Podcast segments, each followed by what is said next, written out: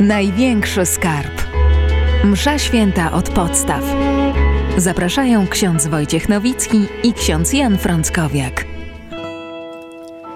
W ostatnim e, odcinku powiedzieliśmy o szatach liturgicznych, y, o tych szatach używanych, o strojach używanych we mszy świętej, ale właściwie nie powiedzieliśmy jeszcze wszystkiego i tak stwierdziliśmy tutaj z księdzem Janem Frąckowiakiem, który nam towarzyszy y, w tej audycji, że dopowiemy jeszcze kilka szczegółów. Księże Janie, szczęść Boże, witaj. Szczęść Boże.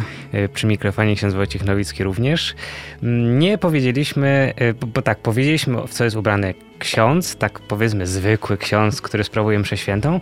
Mm, wspomnieliśmy trochę o diakonie, że on zakłada też albę i stułę taką w poprzek założoną, ale nie powiedzieliśmy jeszcze, że nakłada na siebie też pewien strój, nie ornat, bo jak wspomniałeś nie jest księdzem, nie ma e, święceń kapłańskich, mm, ale już jest w służbie, już e, sprawuje pewne elementy liturgii i ma na sobie coś takiego, co się nazywa dalmatyką.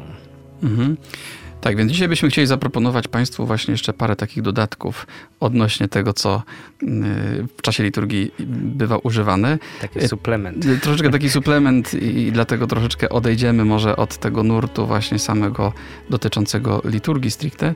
Natomiast myślę, że to jest cenne i niektórzy pewnie z Państwa chcieliby się troszeczkę na ten temat jeszcze dowiedzieć, tym bardziej, że różne stroje się jeszcze pojawiają właśnie. Tak, więc najpierw diakon i dalmatyka. Y, diakon rzeczywiście nie jest y, kapłanem, aczkolwiek jest już wyświęcony do służby, tak jak mówiliśmy o tym y, na ostatnim naszym spotkaniu.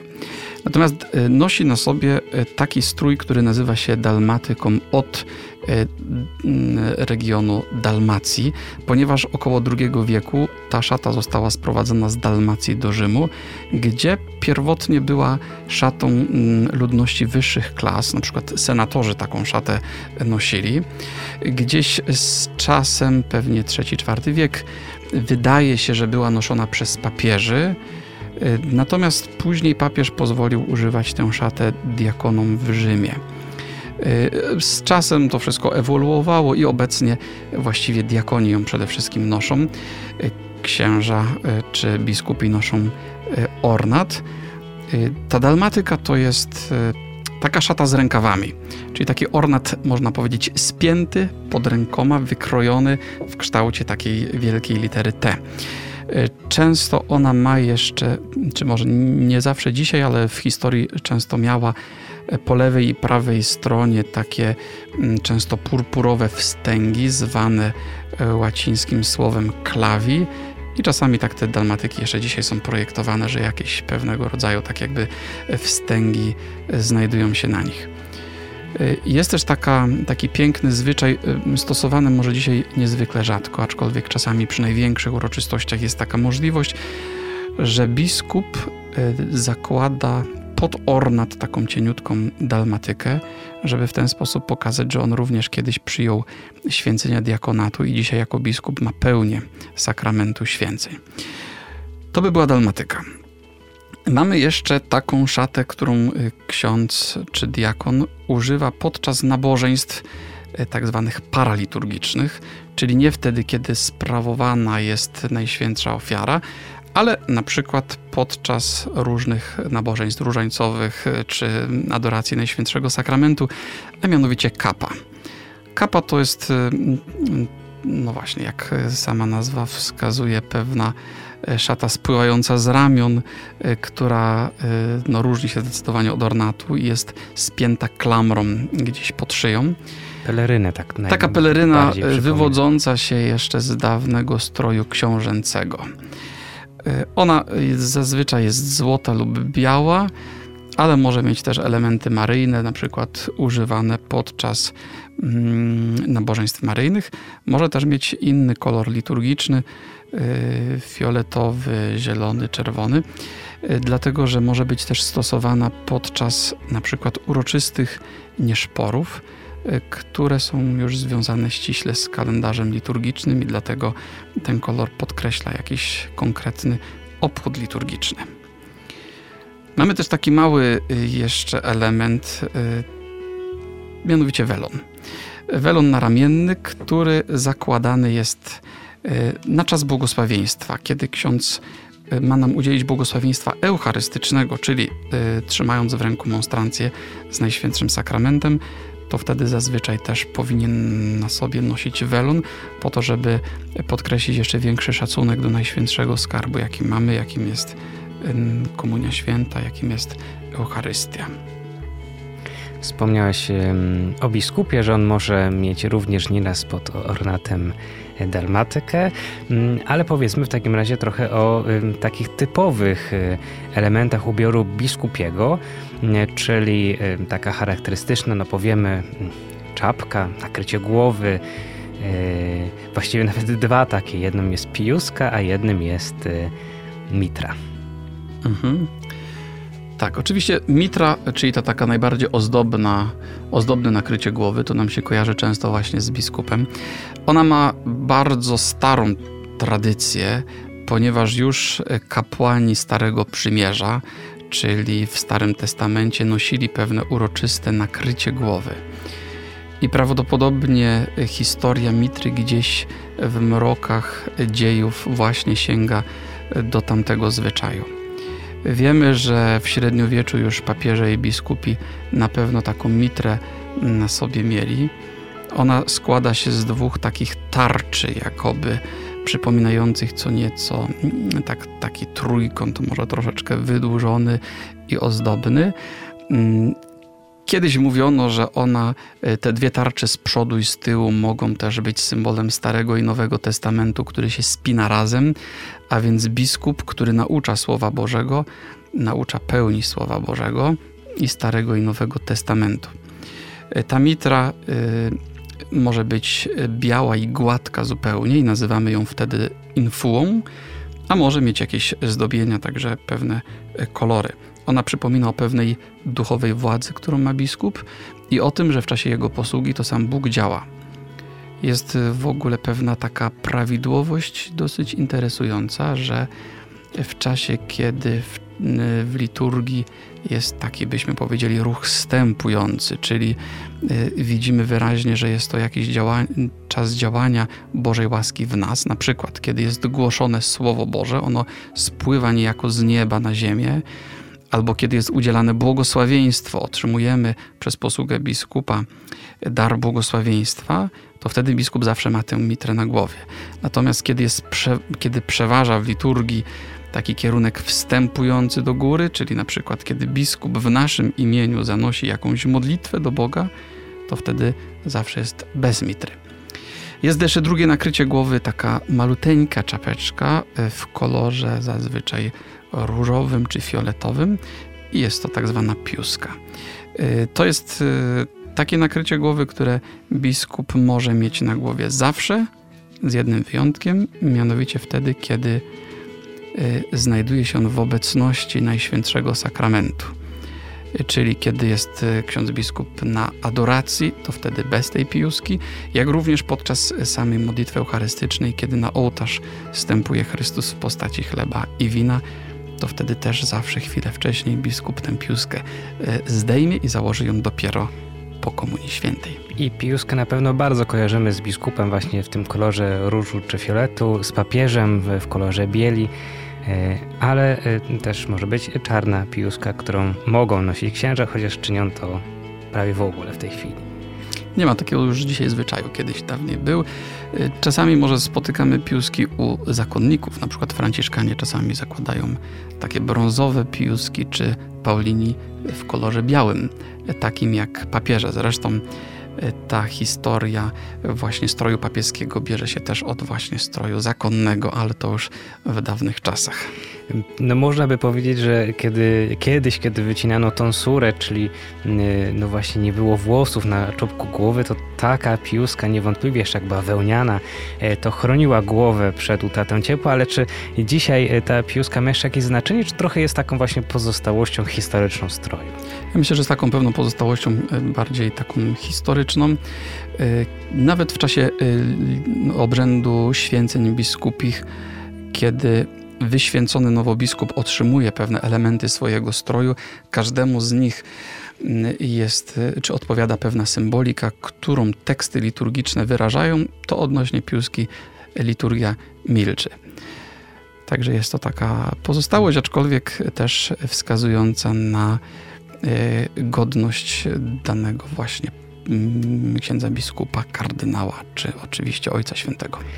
To, co jest jeszcze charakterystyczne dla biskupa, to pierścień, który ma e, na dłoni i pastorał, który trzyma w ręce, co oznaczają jeszcze te dwa elementy, mhm. także obecne w liturgii. Tak. E, pierścień to jest oczywiście znak pewnego poślubienia e, wspólnoty Kościoła. Biskup jest w jakiś szczególnie ważny, duchowy sposób związany ze wspólnotą Kościoła przez sakrament święceń. I y, to związanie przypomina właśnie pierścień.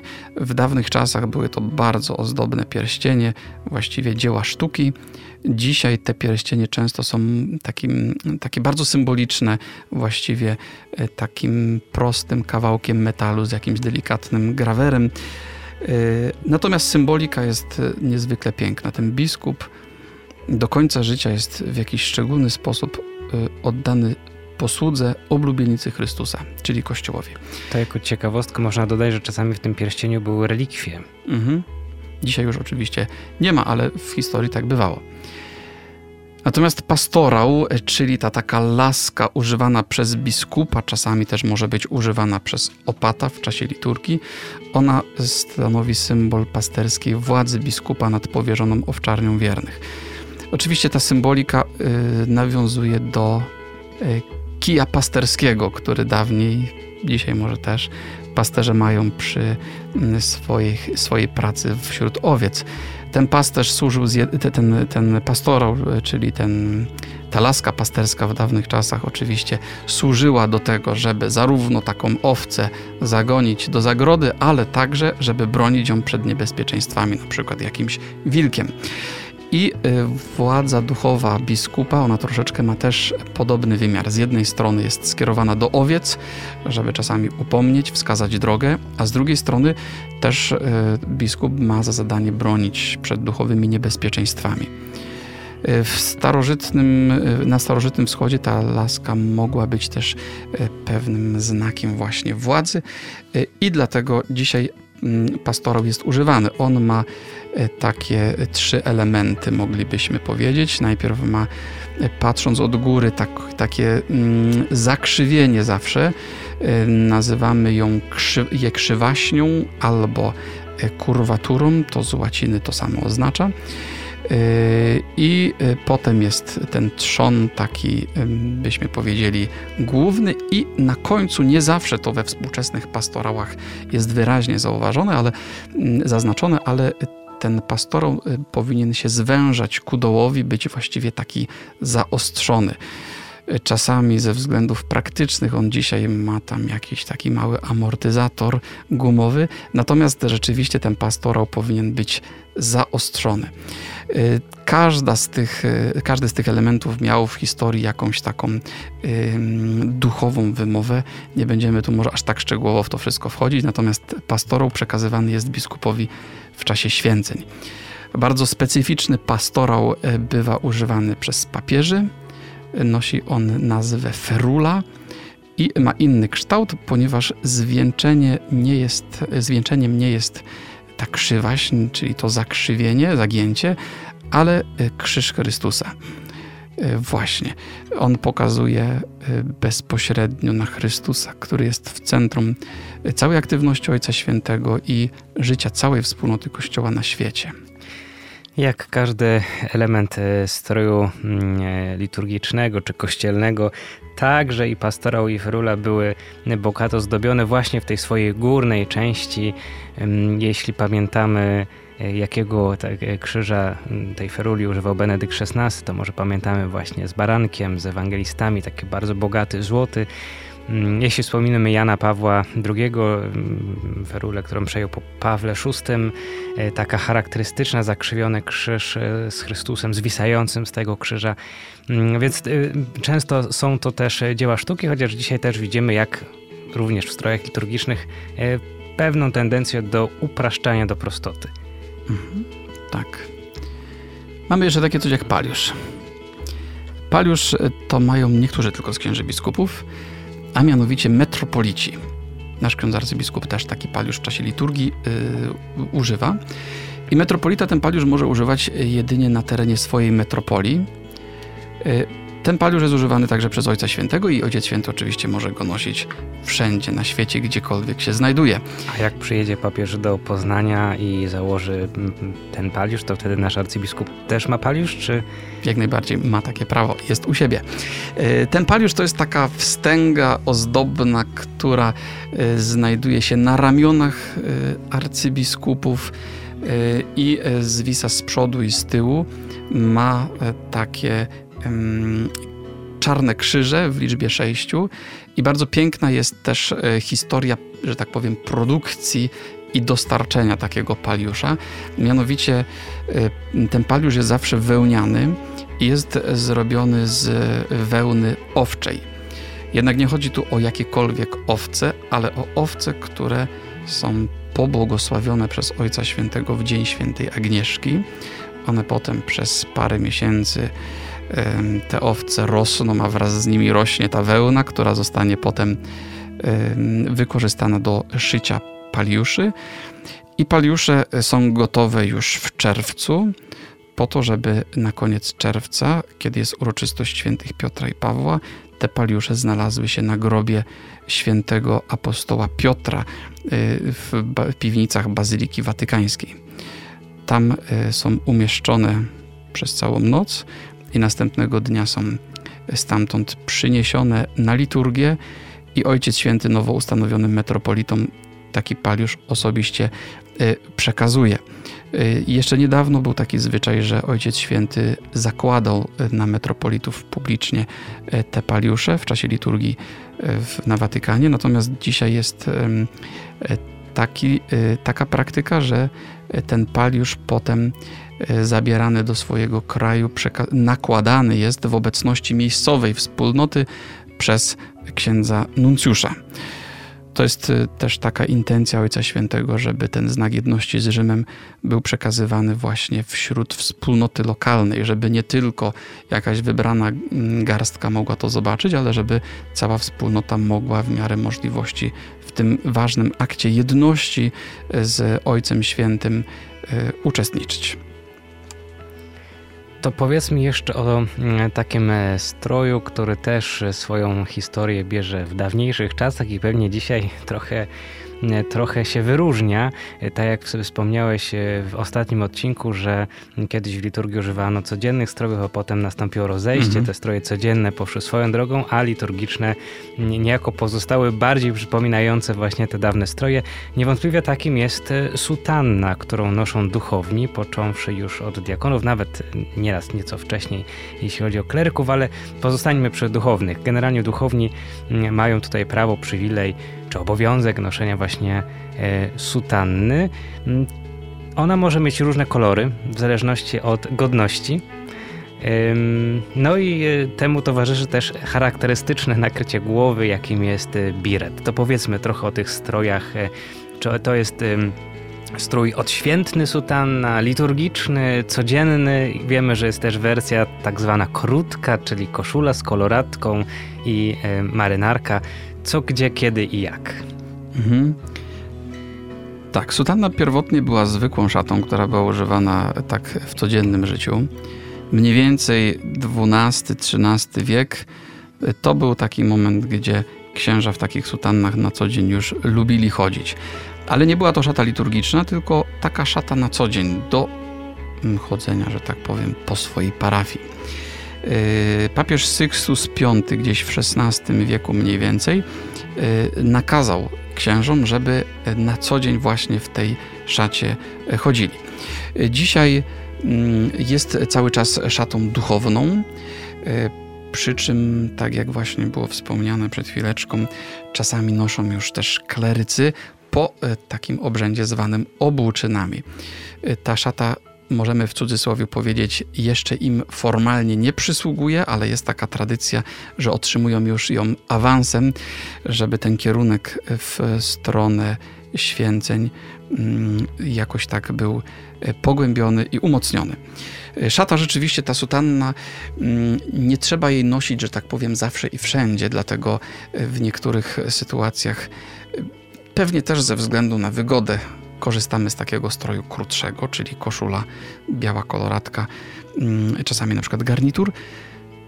Natomiast ta sutanna, ona też ma różne typy, żeby nie było tak łatwo.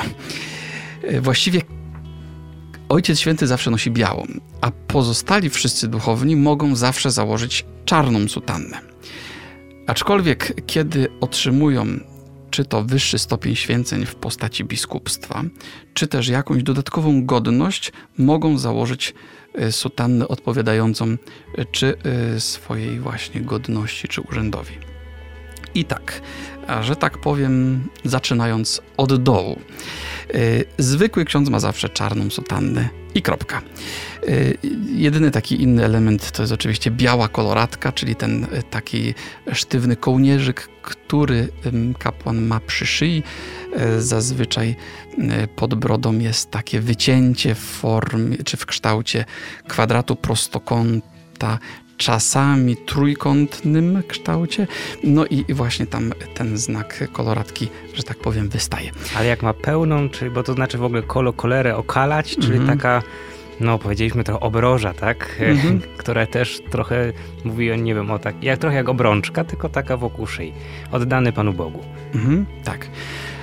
Potem, kiedy ksiądz otrzymuje pewną taką godność, na przykład kanonika, y, to, y, to jest, dawniej to miało jakieś większe takie znaczenie praktyczne, natomiast dzisiaj jest to pewien taki tytuł honorowy dla podkreślenia zasług, pracowitości, pewnych osiągnięć y, danego księdza. I kanonik może założyć taką sutannę y, z, z taką obszywką koloru fioletowego, czy taką wchodzącą troszeczkę w róż. Jeżeli mamy księdza, który otrzymał jeszcze wyższą godność, mianowicie prałata, to jest już stopień y, w praktyce zazwyczaj papieski i y, ta obszywka może być już koloru y, takiego czerwonego, byśmy powiedzieli. Wyżej jest też oczywiście ksiądz biskup, i księża biskupi mogą zakładać sutannę albo czarną, właśnie z taką obszywką w kolorze czerwonym, taką prałacką, albo mogą też zakładać sutannę y, całą fioletową. I jeszcze wyżej oczywiście mamy kardynałów, którzy też mogą nosić sutannę z purpurową obszywką albo całą sutannę purpurową. I zwykle tak w komplecie do tej sutanny mamy biret, czyli e, taką kwadratową, takie kwadratowe nakrycie głowy często z takimi trzema, czasami czterema wypustkami, no i na środku niejednokrotnie jest pompon, z wyjątkiem kardynałów. I y, kolor tego biretu też odpowiada oczywiście sutannie, a więc jeżeli mamy czarną sutannę, to zakładamy czarny pompon. Jeżeli jest y, czy czarny biret, jeżeli mamy sutannę z jakąś obszywką fioletową, to jest mm, czarny biret z pomponem fioletowym. Jeżeli jest sutanna mm, biskupia, to biskup może cały fioletowy nosić e, biret, a kardynał e, taki kolor purpurowy. Może troszeczkę to jest takie zawiłe i, i, dla niektórych już może niekoniecznie takie dzisiejsze, e, pewien taki archaizm, ale z drugiej strony jest to też przejaw kultywowania pewnych pięknych tradycji, które otrzymaliśmy z dawnych czasów. Choć to, co mówi ksiądz Jan, i tak jest już pewnym uproszczeniem bo e, niegdyś było znacznie więcej tych różnorodności w noszeniu strojów. Czasami tak, jest tak, tak, że można spotkać, tak jak wspomniałeś, kanonika czy prata w tak zwanym stroju, to się nazywa infloribus, takim bardzo uroczystym. I czasami on jest właściwie bardzo podobnie ubrany jak biskup. Mhm. Tak, kanonicy mają czasami takie... Mm, przywileje, które wynikają ze statutów kapituły, do której należą, ale to już aż tak szczegółowo nie będziemy w to wszystko wchodzić. Natomiast rzeczywiście y, taki kanonik może y, na sutannę, tą uroczystą, y, nałożyć komrze. Mm, czasami ta komrza jeszcze ma tam pewne elementy, ale już nie będziemy aż tak szczegółowo. I na to może założyć mucet albo mantolet. E, Mucyt to jest taka pelerynka, którą e, w pierwszej kolejności zakładają księża biskupi, ale właśnie niektóre kapituły mają taki przywilej. A mantolet e, jest to strój, który dawniej był używany, dzisiaj właśnie rzadko, aczkolwiek niektóre kapituły kanoników jeszcze je stosują. To jest taka długa pelerynka, byśmy powiedzieli taka kamizella z mm, otworami na ręce, w kolorze też takim fioletowym. Do tego księża kanonicy w uroczystych okazjach mogą założyć też tak zwane dystynktorium, czyli taki ozdobny medal, krzyż, który dana kapituła ma. A księża biskupi oczywiście noszą pektorał. Pektorał w postaci krzyża i to noszą nie tylko kiedy są ubrani w uroczyste stroje, ale także na taką zwykłą sutannę też nakładają, pokazując, że y, sercem jego posługi jest Chrystus i to ukrzyżowany. Właśnie o ten krzyż chciałem zapytać. To jest też bardzo charakterystyczne, dlatego że y, na sutannę, czy biskup założy zwykłą czarną, czy z obszywką, y, to zawsze ma krzyż na jakimś łańcuchu. Mm, czasami jeszcze można zobaczyć, taki jest element, y, tak się wpina ten krzyż w jeden z guzików, tak, ten łańcuch wtedy tworzy taki, taki charakterystyczny układ, nie zwisa ten krzyż tak wolno. Natomiast przy uroczystym stroju biskup ma ten krzyż na takim charakterystycznym sznurze. To jest pewien wyróżnik. Ale jeszcze chciałem zapytać o jeden element, e, który najbardziej też no, widzimy u biskupa, czasami widzimy również u kanoników, mniej u księży, chociaż też mogą e, taki element stroju nosić, mianowicie pas. Mhm. Tak. No pas jest takim dodatkiem pewnie e, wywodzącym się z, z takich, byśmy powiedzieli, przyczyn praktycznych, ale y, księża kanonicy czy biskupi noszą ten pas w kolorze fioletowo-różowym. Y, dawniej były też tutaj różnice, dzisiaj w praktyce tej różnicy takiej nie ma, a księża kardynałowie oczywiście purpurowy, Ojciec Święty, to, najbardziej jesteśmy przyzwyczajeni, oczywiście pas biały. Y, dawniej jeszcze ten pas miał herb papieski, dzisiaj niekoniecznie. To tyle naszego suplementu o strojach. Pewnie można by jeszcze o tym nieco powiedzieć, ale też e, nie o to chodzi, żeby aż w takie szczegóły wchodzić, ale trochę przybliżyć, kiedy widzimy właśnie te mhm. różnice, mhm. z czego one wnikają. Tak, oddaliliśmy się troszeczkę od zasadniczego tematu, czyli od e, samej mszy świętej, ale czasami może warto taką wycieczkę zrobić, żeby pewne tło namalować. Powrócimy już do tematów bardziej liturgicznych już za tydzień. Ksiądz Jan Frąckowiak, ksiądz Wojciech Nowicki. Bardzo dziękujemy, że jesteście z nami i zachęcamy do tego, żeby koniecznie posłuchać kolejnego odcinka największego skarbu, czyli mszy świętej od podstaw. Największy skarb. Msza święta od podstaw.